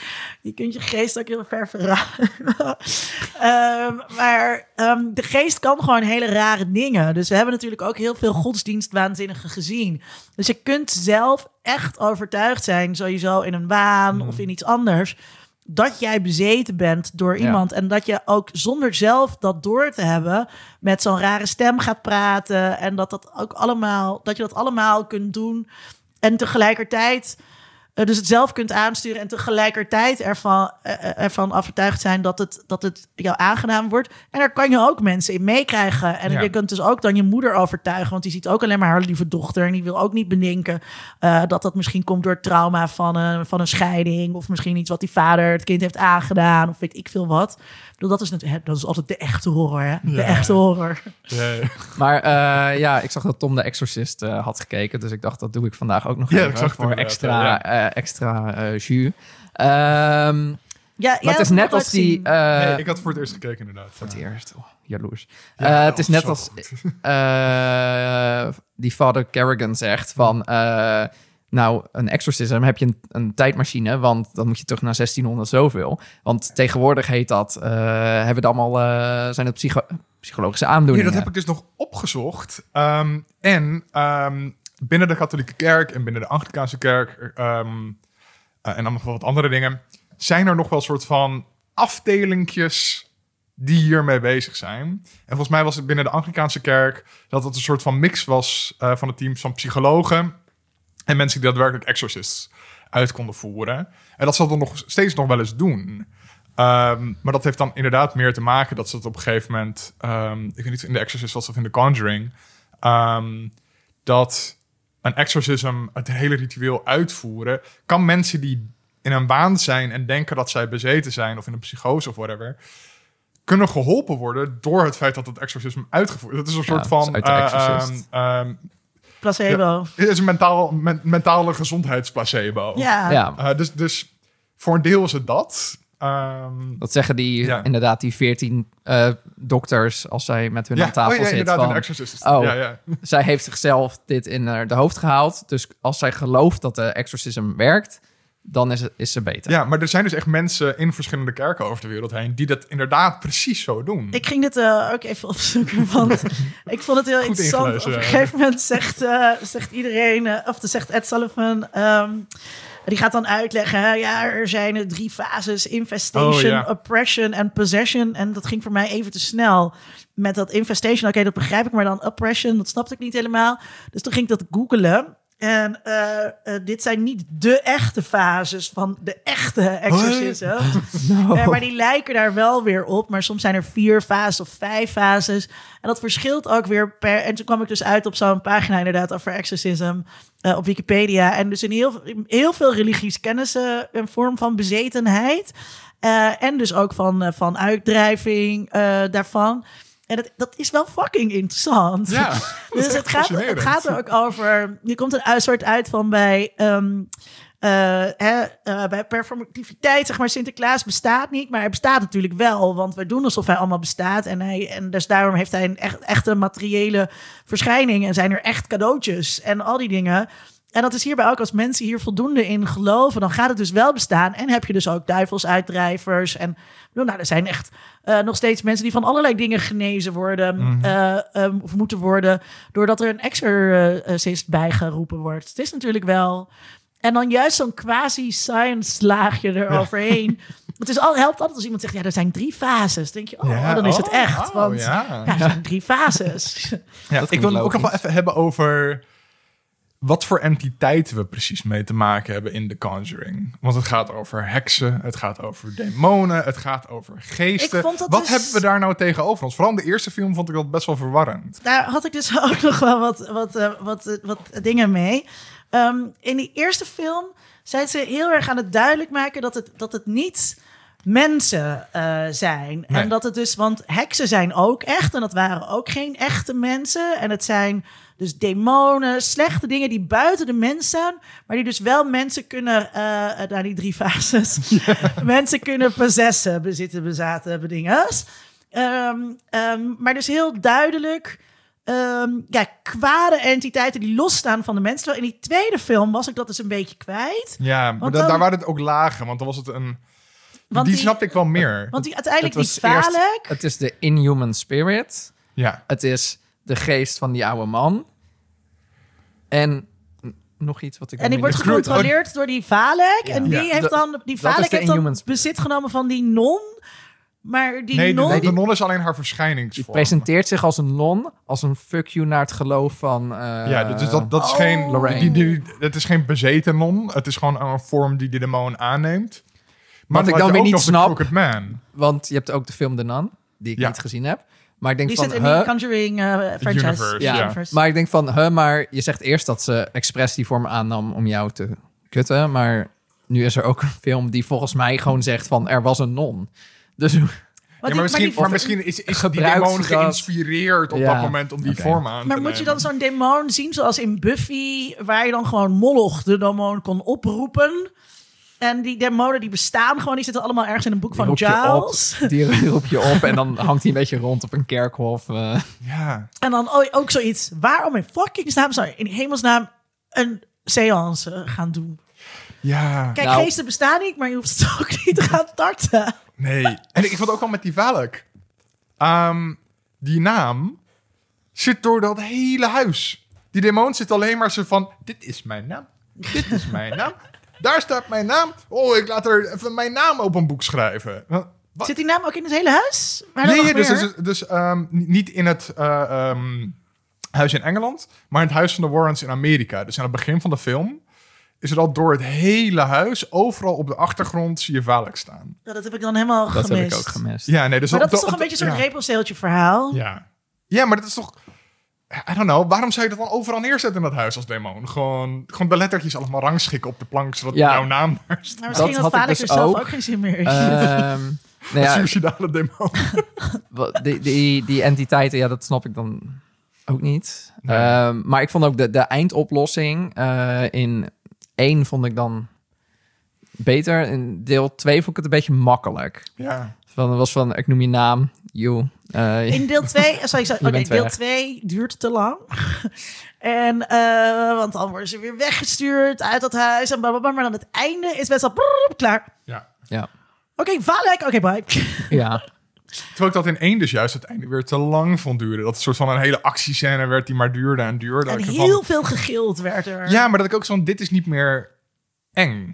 Ja. Eh, het, het, het is niet meer het punt van, het is nu gewoon actie. En actie in een horrorfilm vind ik altijd gewoon Maar, kut, want ik ben er niet voor de actie. Ik ben er om bang gemaakt te worden. maar uiteindelijk denk ik dus... ehm, eh, het, het begin van deze horrorfilms is altijd eng. Want dan heb je die creepy Mhm. kinderen en, dat domme, en zo'n dom speelapparaatje... en zo'n dom, dom, dom verstoppertjespel. En dat is allemaal eng. En dan weet je, er komen allemaal jumpscares en, en allemaal enge dingetjes. En dan op een gegeven moment kom je een beetje achter wat er gaande is. En dan weet je nog, nou oké, we gaan die entiteit nu een paar keer zien. En die Mhm. ziet er ook eng uit.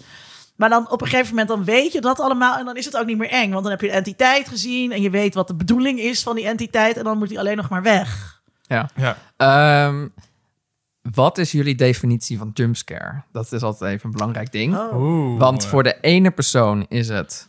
Mag ik Eh. even mijn filmartboek? Want voor de ene persoon is het hard geluid, eh, ik schrik. Eh, ik, ik heb een onderscheid daarin. Je hebt hard geluid, ik schrik en het was de wind. Of je hebt eh, hard geluid en het is de geest die de deur dicht doet, zeg maar. Ja. Ik vind dat twee wezenlijk andere Wat zeg dingen. nog een keer?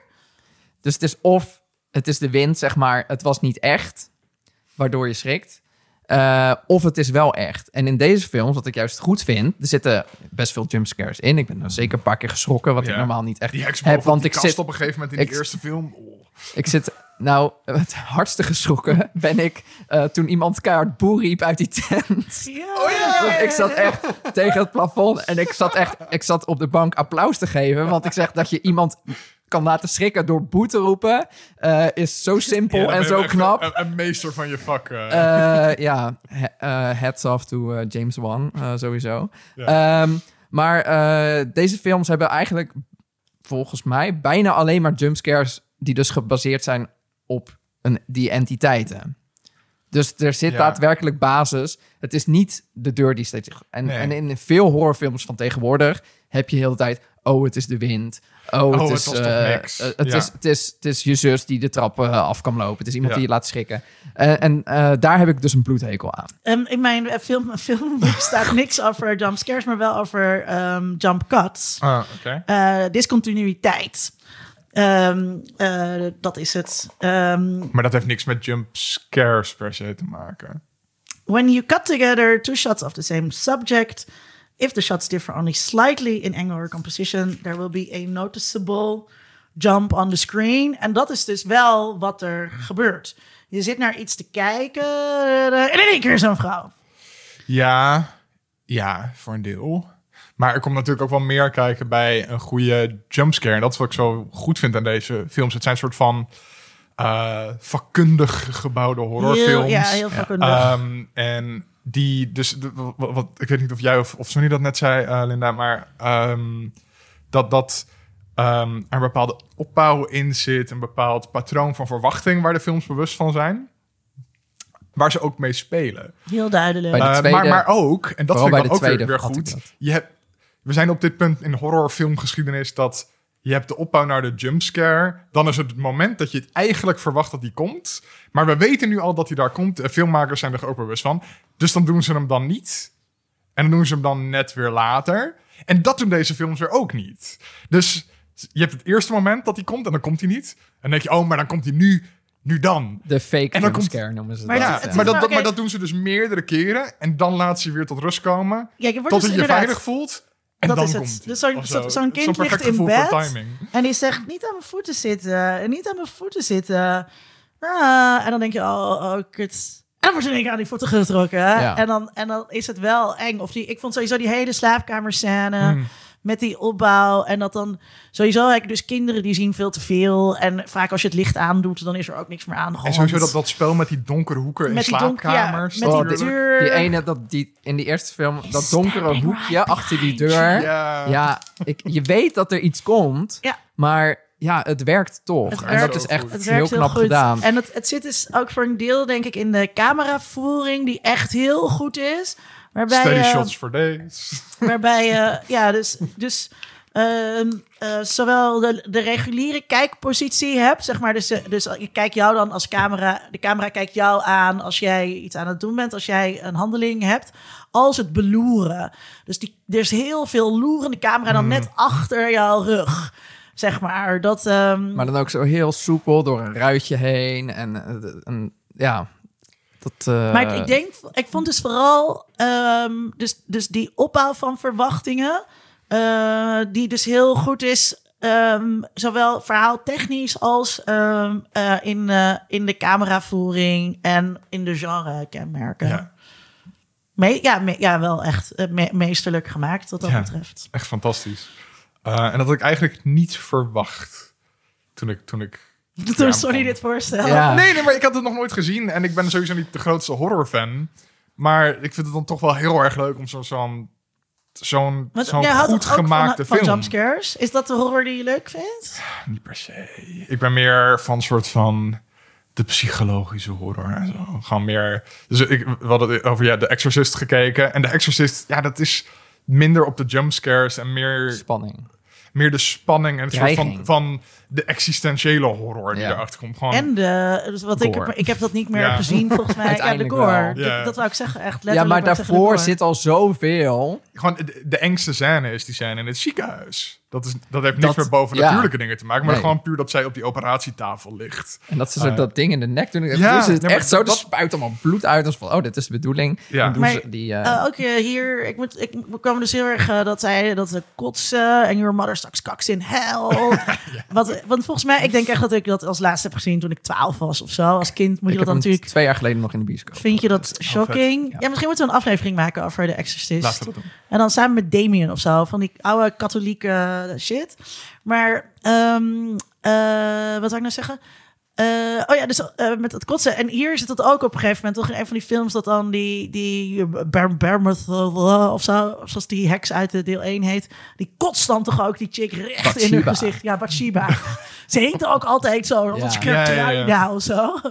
Maar ook dan, ah, die vomit. Dat vond ik ook, er zit, maar er zitten heel veel knipogen naar Ja, de film. tuurlijk. En eh, Ja. dat, dat eh, in twee dat dat meisje bezeten is en die ogen geel Ja, worden. Dat is dat overduidelijk en eh De Exorcist zit er natuurlijk gewoon in. En, en, maar ja, The Exorcist eh, is natuurlijk zo'n film. Dat, ja, dat, daar kan je ook moeilijk omheen om dat te vergelijken. dat, dat hele haunting genre in zijn moderne vorm uitgevonden. Maar ehm, kijk, horror heeft natuurlijk niet de beste reputatie. En, en, en het aantal goede horrorfilms de laatste twintig jaar is nou niet echt eh, gigantisch.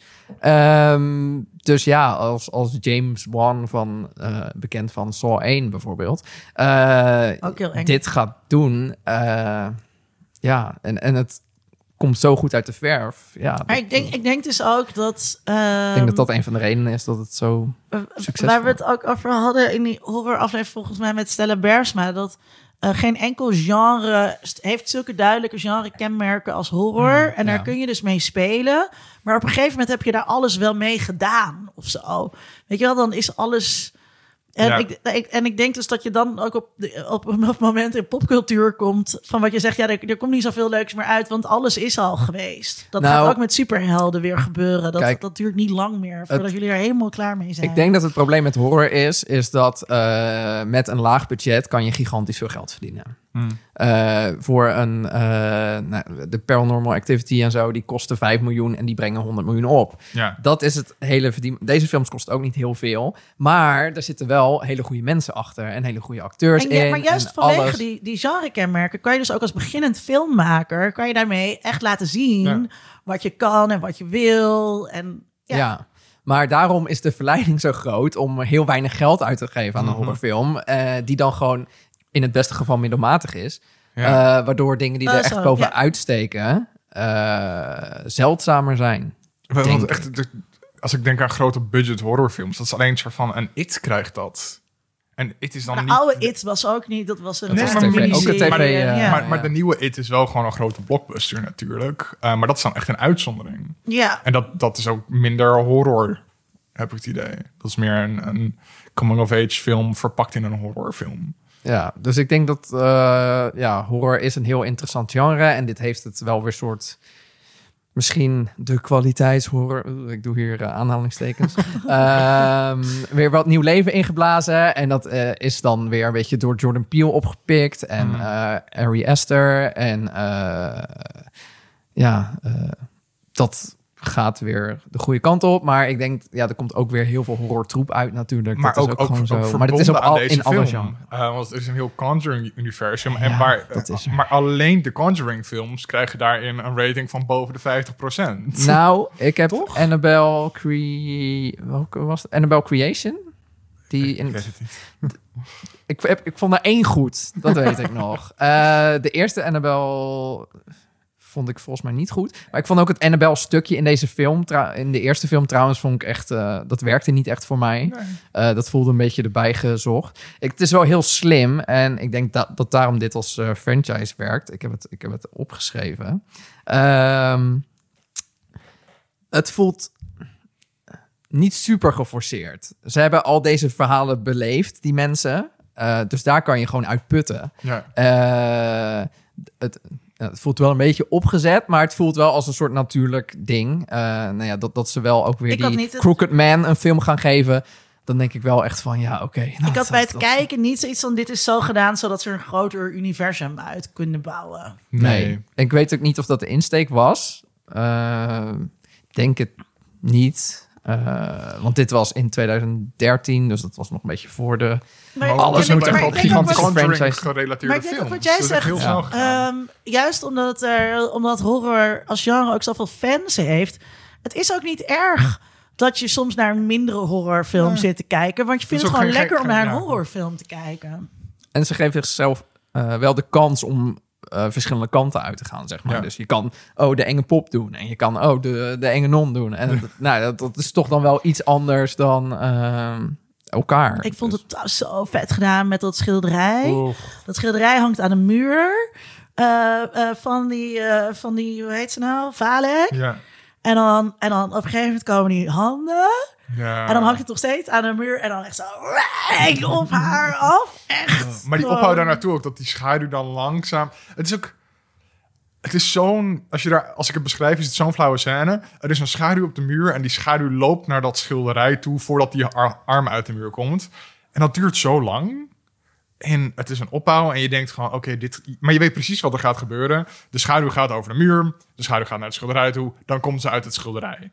Ja, maar je weet Je niet weet dat hoe het- ze uit het schilderij Nee. gaat komen. En dan gebeurt het en dan zit je toch nog gewoon, oh fuck, what the fuck. Ja, Dat is echt fantastisch gedaan. Nog eh. één ding over de, de franchise. Eh, wat denk ik ook werkt, is dat je, je hoeft... eh, je kan ze gewoon loskijken. Mm. Dus het is geen Marvel dat je, dat je alle Dat je voorkennis hoeft te hebben. mee hoeft te Eh, nemen. nou ja, als je twee kijkt, is het wel enigszins handig als je één hebt Ja. gezien. Hoeft niet eens.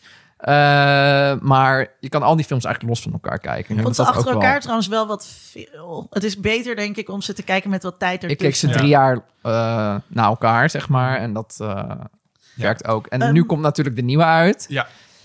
Eh, ja, daar op zich wel zin in. Maar Ja. niet, niet zo van... Ik Niet denk hyped. dat als ik, een, als ik deel 2 een jaar geleden had gekeken... dat ik dan meer eh Ja. hyped was. Maar Ik- toch, ik- ik, ben benieuwd wat ik laat het nu wel even liggen. Ja, ik wil het wel inderdaad in de bios. eh, Oh, eh, sowieso in de bioscoop. Oké, gaan Ja. we samen doen. Ja. Maar toch even wel in het, in het rijtje. eh, waarom de fuck zou je dat doen?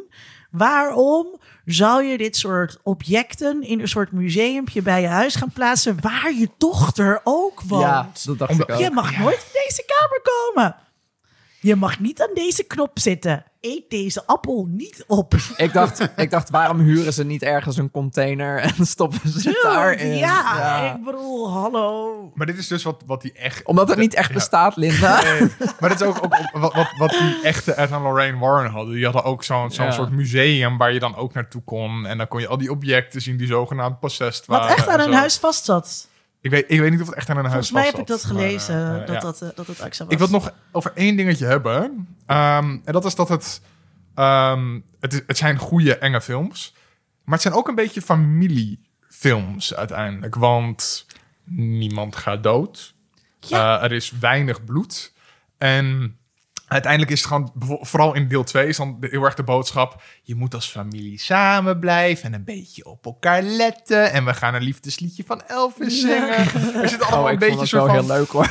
Ja, ja, maar dat is- ik vind het hartstikke grappig. Eh, maar het, het is gek dat in, Ik vond het die jammer dat horrorfilms die, dat die, die Bill dingen... daar niks meer mee had gedaan. Met, Dat hij eh, opeens meezingt. ja, ja, ja, ja. Ja, maar dat is, dat is toch best Ik snap het punt. gek. eh, dat, dat, dat, het, het is een soort van familievriendelijke horror franchise.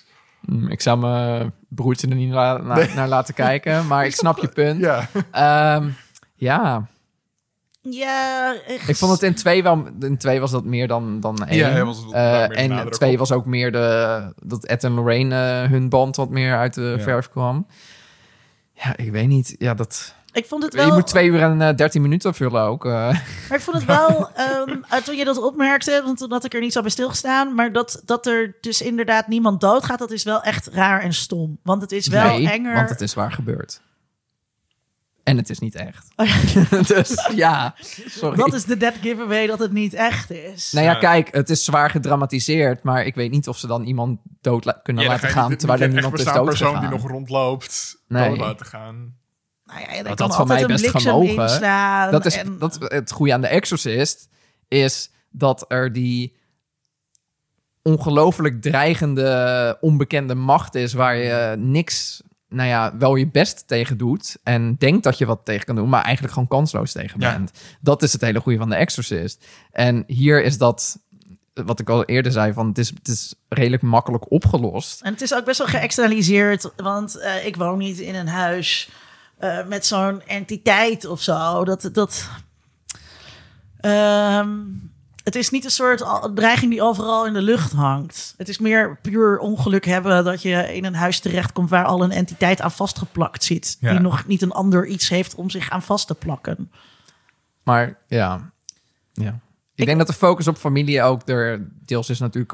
Je wil, eh, je moet iets geven om die mensen, anders. eh, En ja, wat kinderen, boeit kinderen, het? kinderen zijn eng. Weet dus je, hoeveel horrorfilms heb jij gezien waarin je denkt van, nou, ik hoop dat het kind doodgaat, want wat een kutkind is dat, zeg. Best wel wat. Heel veel. En hierin had ik dat niet, omdat Nee. ik dacht van, nou, best aardige, eh, leuke Ik familie. Die moeder heeft het maar zwaar dat ze geen, eh, geen geld heeft voor de kinderen. Nee, en ik die vader is een meteen een hekel aan die, aan die moeder in de eerste film. Dat is natuurlijk ook een zeikactrice. Ja, Oh ja. En, eh, Ja, zij was heel, ze is wel een hele slechte actrice vooral. Nou ja, en ook gewoon echt een kuttige vrouwenrol. Ze was zo kwetsbaar en zij was zo zwak. Nou, ik en, vond het wel leuk dat zij dan degene was die bezeten werd in plaats van de, wat je verwachtte. En van de dochter, Want ja. het was heel, nou, dat was wel heel erg van, oh, nou, we gaan het opzetten alsof het de dochter is en van, oh, het is de moeder. Maar dat Ja. vond ik toch wel, weet je, wat je zei. Aan de ene kant is het heel voorspelbaar en toch doen ze nog wel wat dingen die dan Ja, toch net wat anders Ja. zijn. Ik Ja, had wel ook met, in de tweede film met, met dat jochie. Die had soort van twee karaktereigenschappen. Hij stotterde een beetje en hij hield van koekjes. Ja. En toen was hij weg. Toen was, toen was hij gewoon een half uur weg uit Ja. de film. Oh, en ook... Dat is... dat was wel... Waar, ik in de, in de tweede film de hele tijd dacht... dat is dus in Engeland... in een soort van working class eh, buurt. En ehm, alle teksten leken een beetje... alsof ze door een Amerikaan geschreven waren... met een, een idee van wat een Amerikaan heeft... van hoe een working class Britse familie klinkt. ook ze hadden een afstandsbediening in 1976. I don't think so. Waarbij je ook door allerlei Ja. kanalen heen kon zappen. I don't think so. Ook niet in Engeland in 1976. Maar, maar, maar hadden jullie dat niet met, met, met, met al die Britse mensen... dat ze nog niet... Oh, blimey, governor! eh, wat op- Ja, ik vond het heel erg Eh, cliché. Nu je dat zegt, eh, van- inderdaad. Ja, wel een beetje. ik vond dus nog iets in die tweede... Don't touch my facts. Ehm, wat ik in die tweede wel interessant vond, is eh, op een gegeven moment schakelen ze de hulp in van het televisieprogramma. Oh ja. En eh, dan zegt dat tele- die mensen van het televisieprogramma zeggen ook: ehm, wij zijn je enige kans op hulp. En eh, dat vond ik natuurlijk heel eh, typisch. Hier komt de mediawetenschapper. Nou ja, maar dat is, dat is, eh, ja, maar dat is ook wel kritiek, zeg maar, op dat soort programma's. Dat je dus overgeleverd wordt aan reality of reality-achtige eh formats. eh, om als working class mensen hulp te krijgen voor je psychologische Ja. problemen. En het is dus ook niet raar dat zo'n kind het dan gaat eh, faken omdat ze ehm, nou ja, in dit geval hulp nodig had, omdat ze echt bezeten was. Eh, nee, maar omdat. Maar Linda, omdat kunnen we hiermee zeggen dat het eh kapitalisme kritiek is? Yes. Ehm, nee, maar ik vond dat, ik vond dat wel, eh, wel eh, ik vond het wel een soort aardige knipoog daarnaar. Ook naar dat hele idee van hoax. Dus ik wou toen ook nog opzoeken, bestond het woord hoax? Werd dat toen eigenlijk al gebruikt ook in de jaren zeventig? Maar daar ben ik niet aan toegekomen eh, om die etymologie na te zoeken. maar dus wel dat, ja, ook, er zit natuurlijk wel een mediagedrevenheid achter. En ze spelen daar dus in die films leuk mee om ons te laten geloven. Nee, maar dit was echt, echt. Maar het was van, je, wij zijn je enige kans op hulp. Maar ze boden geen hulp, eigenlijk ook. We, je, we vertellen je verhaal en eh, zoek het uit. Nou ja, maar de politie had toch al gezegd, eh, adios, eh, we hebben hier geen Ja, de in. politie zei, ja, er ging een stoel zweven. En gewoon, en toen zijn we naar huis gegaan. probleem. Nee. Ja, write Ja. up a report. Wel raar dat, ze in dat, dat die moeder dan met die dochter in dat huis bleef. Ook, trouwens. Ja. Maar ik dacht ook, ze Ja, kunnen niet ergens ook- naartoe. Nee, maar dat komt dus. Dat zitten, ze- zeggen ze ook in deel 1. Want dan zeggen ze ook van, eh, ja, weet je, we Ja, gewoon weggaan. het, ja, ja. Maar hij dan- zit al aan je vast. al- ja, hij, zit al, ja. hij zit al Ja, maar dat wisten die mensen niet. In deel 2. dat hebben ze niet tegen hun gezegd. Oh, ik dacht dat die Ja. hebben ook deel 1 begrepen. die hadden ook deel 1 gekeken. Ehm, nee, dat vond ik wel bizar. Maar toen dacht ik wel van... Ja, wie wil nou een bezeten kind in een huis opnemen? En een hotel kunnen ze niet betalen. Dus Nee. ik heb het voor mezelf nog wel Ook gerationaliseerd. lullig. Die Ed en Lorraine hadden ook de best die mensen in deel 1 in huis kunnen nemen. Maar zo graag wilden ze ze nou ook Nee. weer niet helpen. Eh, oh ja, nog één ding. Oh, Ehm, ik dacht dat daar kunnen we mooi de stilte Ja, dat snap vallen, ik, maar, ja. dat, dat zou eindigen we elke keer. Ja, Nee, er ehm, doorheen. Oké. Bruut er doorheen. Ja, dus kan je er ook niet meer uitknippen. Nee. Ehm, ik, eh, ik heb me in de eerste aflevering die we over horrorfilms maakten met Halloween, heb ik de vraag gesteld. eh, Waarom moeten die mensen eerst de hele tijd bang gemaakt worden? Dus waar moet, ehm, eh, heet zij, Jamie, ehm, Lee Curtis. Jamie Curtis. Hmm. Zij ziet dan eerst de hele tijd Michael en niemand anders ziet, ziet hem. En dat eng ma dat bang maken en zo, daar was toen geen goed antwoord op. Maar hier wordt het dus wel duidelijk. Entities feed on fear. En hij zegt ook, die Bill eh dinges, die zegt ook, weet je, I like to hear them scream. Weet je, het is, dit is, dit is, ik doe het juist voor het bang maken. En ik vond dat heel bevredigend om dat antwoord te krijgen. Wat later wel weer een beetje onderuit gehaald werd. Ja, dat hij geforceerd werd om het te doen. Dus, maar dat nou, was de, de, de demon die door hem sprak. Sure. Het is niet echt. Het is niet echt. Goed. Ik accepteer alles wat deze films mij voorschoten. ja, helemaal mooi. In a world. In a world. World. World. World. In a world. Oh, ik moest wel echt weer, dat je Stella noemde, moest ik weer denken aan die film Martyrs. En dat heeft wel echt iets kapot in me gemaakt, hoor. Dat vond ik echt... Martier. Die heb ik dus na Oh. tien minuten uitgezet. Nee, ik, ben er dus, ik ben er dus voor die aflevering ben ik er doorheen gegaan. Maar het heeft me wel een beetje gebroken, hoor. Ja, dat elke keer als ik er terugdenk, voel ik me nog steeds gewoon kut. Toen heb je een klein stukje van de hel gezien, Tom. Ja. Ja, Ja. pas op waarmee je exposed, hè? Want eh, het gaat toch aan je vreten. Ja, nee, maar echt. De hel is niet echt, mensen. Satan bestaat niet. Of Maar besta martyr- ik wel. Maar Martiers is wel echt. En dat is wel echt... Maar het kwaad is echt. Het kwaad is echt, ja. Goed. anyway. Oh, we gaan door naar waar we wel naar uitkijken. Jongens. Eh Sonny. We kijken niet uit naar de hel. mensen. We kijken er niet naar uit dat, eh, dat we straks bij de hemelpoort staan en dat Petrus zegt... Weet je nog die ene aflevering van de podcast Geeky Dingen die je had gemaakt? Guess again! en dat hij dan zo'n switch omhaalt en dan boem! zak ik naar Er staan beneden. Ed en Lorraine uit te zwaaien. Ja. Going naar met zo'n soort South Park Satan.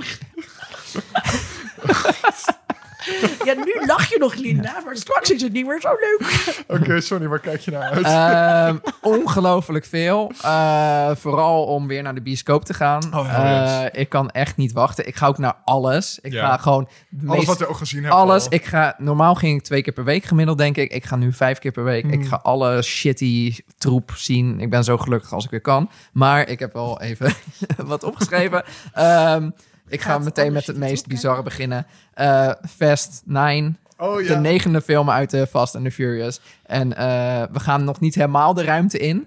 Maar we gaan wel, eh, nou ja, eh, nou ja, boven in de atmosfeer, zeg maar, ongeveer. Eh, er is een trailer van drie minuten waarin zoveel gebeurt dat ik ongeveer een uur nodig zou hebben om het te beschrijven.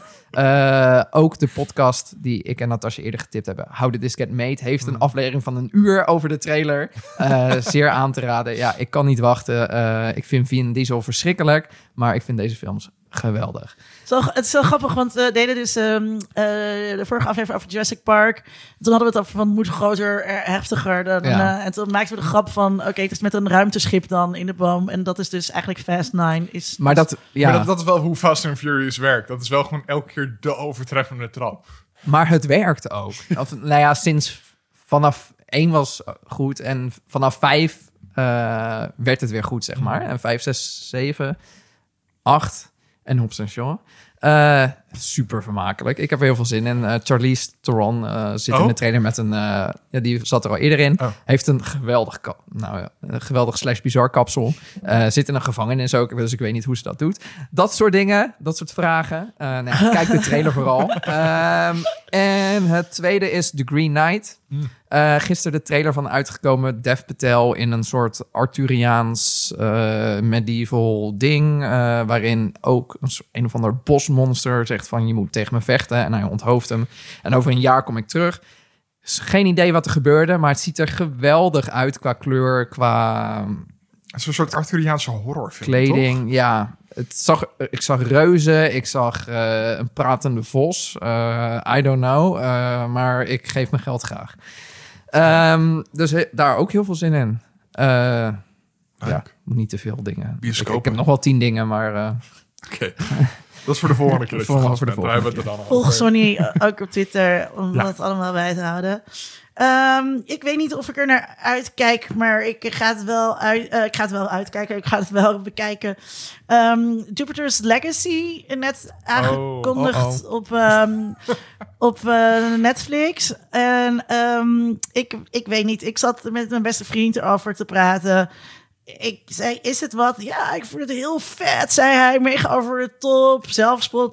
Dus ik zei, is het iets voor iemand die dus niet van superhelden shit houdt? Dus als je best vriendin, toen zei hij no. Ehm, weet ik niet. Eh, maar ik, ik maak graag mijn eigen beslissingen. ja. Ehm, dus ik ga hier wel wat van kijken. Maar jullie zeggen... Ik, nou, ik heb, ik, was, ik heb gisteren vijf minuten gekeken en toen had ik een tweet even de wereld ingestuurd van waarom heeft niemand het over deze serie? En toen reageerde twee men, of in ieder geval Natasha reageerde Ja. met het is heel erg kut. En toen dacht ik, dan sla ik het nog even over. Dat was ook mijn gedachte. Eh, maar ik eh, laat het dan van jou afhangen, Linda. Dus ik, eh, Ja, ik als jij graag. dit goed vindt... Ja, dan ga, ik het zeker goed vinden. fresh En your eh. Jo- Josh Duhamel ziet er wel heel goed uit, moet ik zeggen. Met zijn witte baard. Ehm, als, iemand, als mensen dingen heel slecht vinden, dan heb ik ook de neiging om het dus wel heel leuk te vinden. Eh, I don't know. En ehm, eh, daarnaast kijk ik uit naar, ehm, zeg ik dat nou goed? Eh, misschien moet ik weer even opzoeken. Eh, Michiel van Erp documentaire Oh ja. eh, De Roze Revolutie. Oh, ja. het Roze Revolutie? Ja, Rosse Revolutie heeft volgens mij. Volgens mij heet het Roze Revolutie. Eh, Michiel van Erp op de NPO ehm, over eh, de geschiedenis van de LHBTQIA-beweging. Waarschijnlijk is het vooral de beweging van de homo's en de lesbo's en zitten alle andere letters er niet in. Ehm, eh, een van mijn goede vrienden is er uitgeknipt. Eh, en eh, dat vond ik dus heel kut, eh, want hij managed the church. En dus blijkbaar zit dat er niet in. Dus dat riep ook meteen de vraag op: wiens homo-geschiedenis gaat dit Ah. eigenlijk over? Ehm, dus ik heb ook. Ik heb zin om het te kijken, maar ik heb ook al zin om erop te bitchen. Alleen maar al omdat, omdat Anne eruit is gehaald. Ik hoorde heel veel homo's al enthousiast zijn in ieder geval. Maar Ja. dat, zou wel, dat is wel een beetje jammer als het dan zo'n eenzijdig beeld is. eh, ja. ja. Maar Als alle seks, eh, als alle ik heb seks Michiel wel eens in de church gezien trouwens. Dus, Jazeker, eh, ja, dus ja. snap Maar, dat dan maar, niet. maar, dat, maar dat betekent Op donderdag hoor, niet- luisteraar, op donderdag. Eh, Maar dat betekent natuurlijk niet dat we niet bij Meat Market. maar dat betekent niet dat. eh, eh, ja, hè, dat, dat je dus wel een soort clean versie kunt maken voor de publieke omroep. Wat, Ja. Wat allemaal soort happy blij eh, eh, homo monument verhaal is. Volg mijn Twitter om te horen wat ik ervan vond. Heel goed. Ehm, zelf kijk ik uit naar Knives Out 2. Oh, Want daar werd eh, de afgelopen dagen van bekend dat onder andere Edward Norton eh, in de kast gaat zitten. Oh. Eh, dat is heel wel leuk. Dus um, Knives Out 1 was gewoon een fantastische film van Ryan een Johnson. hele leuke film. Echt geweldig. een van de beste tijden die je in de bioscoop kon hebben destijds. Ja. Ehm, en ik heb hem laatst ook herkeken en ik zat alleen maar... Wat, wat een fantastisch leuke film. Wat een heerlijkheid. Ja, gewoon. het is gewoon alleen maar goede vibes. Ehm, en de beste truien in filmgeschiedenis. Eh, ja, ik, ik wil gewoon de trui Ik van wil- Chris Evans hebben. Gewoon die trui wil ik. Punt. Daar, ik, Ah, ik, ik, weet, ik, ik weet waar ik hem kan kopen, dus ik zal je even link sturen. Oké, thanks. Hoe duur is hij? 500 euro of zo? Nee, wel, wel 60 dollar of zo, of 70. Oh, dat valt me nog mee. Mm, Dat kan ik nog wel opbrengen. Ehm, oh, wat goed. Daar word ik heel blij van. Ehm, nee. Ehm, en ook Dave Batista eh, zit erin. En ook weer Daniel Craig. Ze gaan er een soort van... ehm, hoe heet die detective van Agatha Christie ook alweer? Eh, Poirot. Poirot. Eh, dus die komt in al die verhalen van Agatha Christie terug. En dus Daniel Craig's karakter in Knives Out...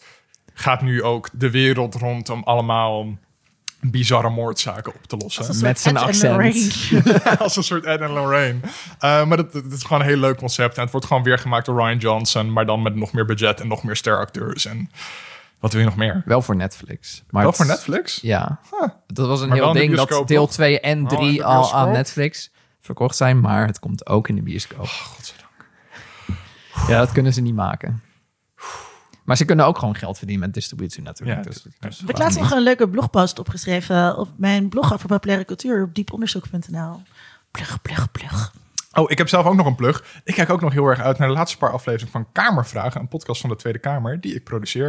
En hij is echt heel erg leuk, vind ik zelf. Want ik mocht allemaal Kamerleden interviewen Waar over... kunnen we dit luisteren, Tom? Eh, overal behalve op Apple Podcasts, want Apple Podcasts is kapot. Het is vet kut. Dus als je op Spotify zit of op Google Podcast of op Stitcher kan je hem wel luisteren. Ehm, voor als je wil horen hoe Kamerleden eh, als brugpiepers door de Kamer heen lopen. En heel erg zenuwachtig zijn als ze voor het eerst door de plenaire- plenaire zaal lopen. Dat is echt heel erg leuk. Ehm, dus ga dat luisteren. Dit was de 76e aflevering van Kiki Dingen. Heel erg bedankt aan Sonny dat hij Graag erbij gedaan. was. Super Heel erg er leuk. was. Dank ook, zoals altijd, aan Linda Duits. Ook dat zij dank. er ook wat bij was. Aan jou, Tom Amos. Oh, dankjewel. En ook, zoals altijd, heel erg veel dank aan onze patron Rona Bosman. Wil je zoals haar ook in elke aflevering genoemd worden... of misschien onze afleveringen eerder luisteren... word dan patron of vriend van de show... en misschien ook later op Spotify of op Apple Podcast... maar we moeten nog Moeten even kijken. even eh, want er zijn nu echt allemaal extra manieren... om als podcasters geld te verdienen. Als je kan doneren, kan dat... En er zijn heel veel kanalen waarop dat kan. Ehm, daarmee help je onze podcast maken en dat vinden we heel erg fijn. Eh, volg ons ook op Twitter en Instagram voor de laatste nieuws en updates. En de volgende keer gaan we het hebben met Jaap Kooijman over... Herbie? Dit was Het knotsgekke autootje. Oh, dit was geeky dingen.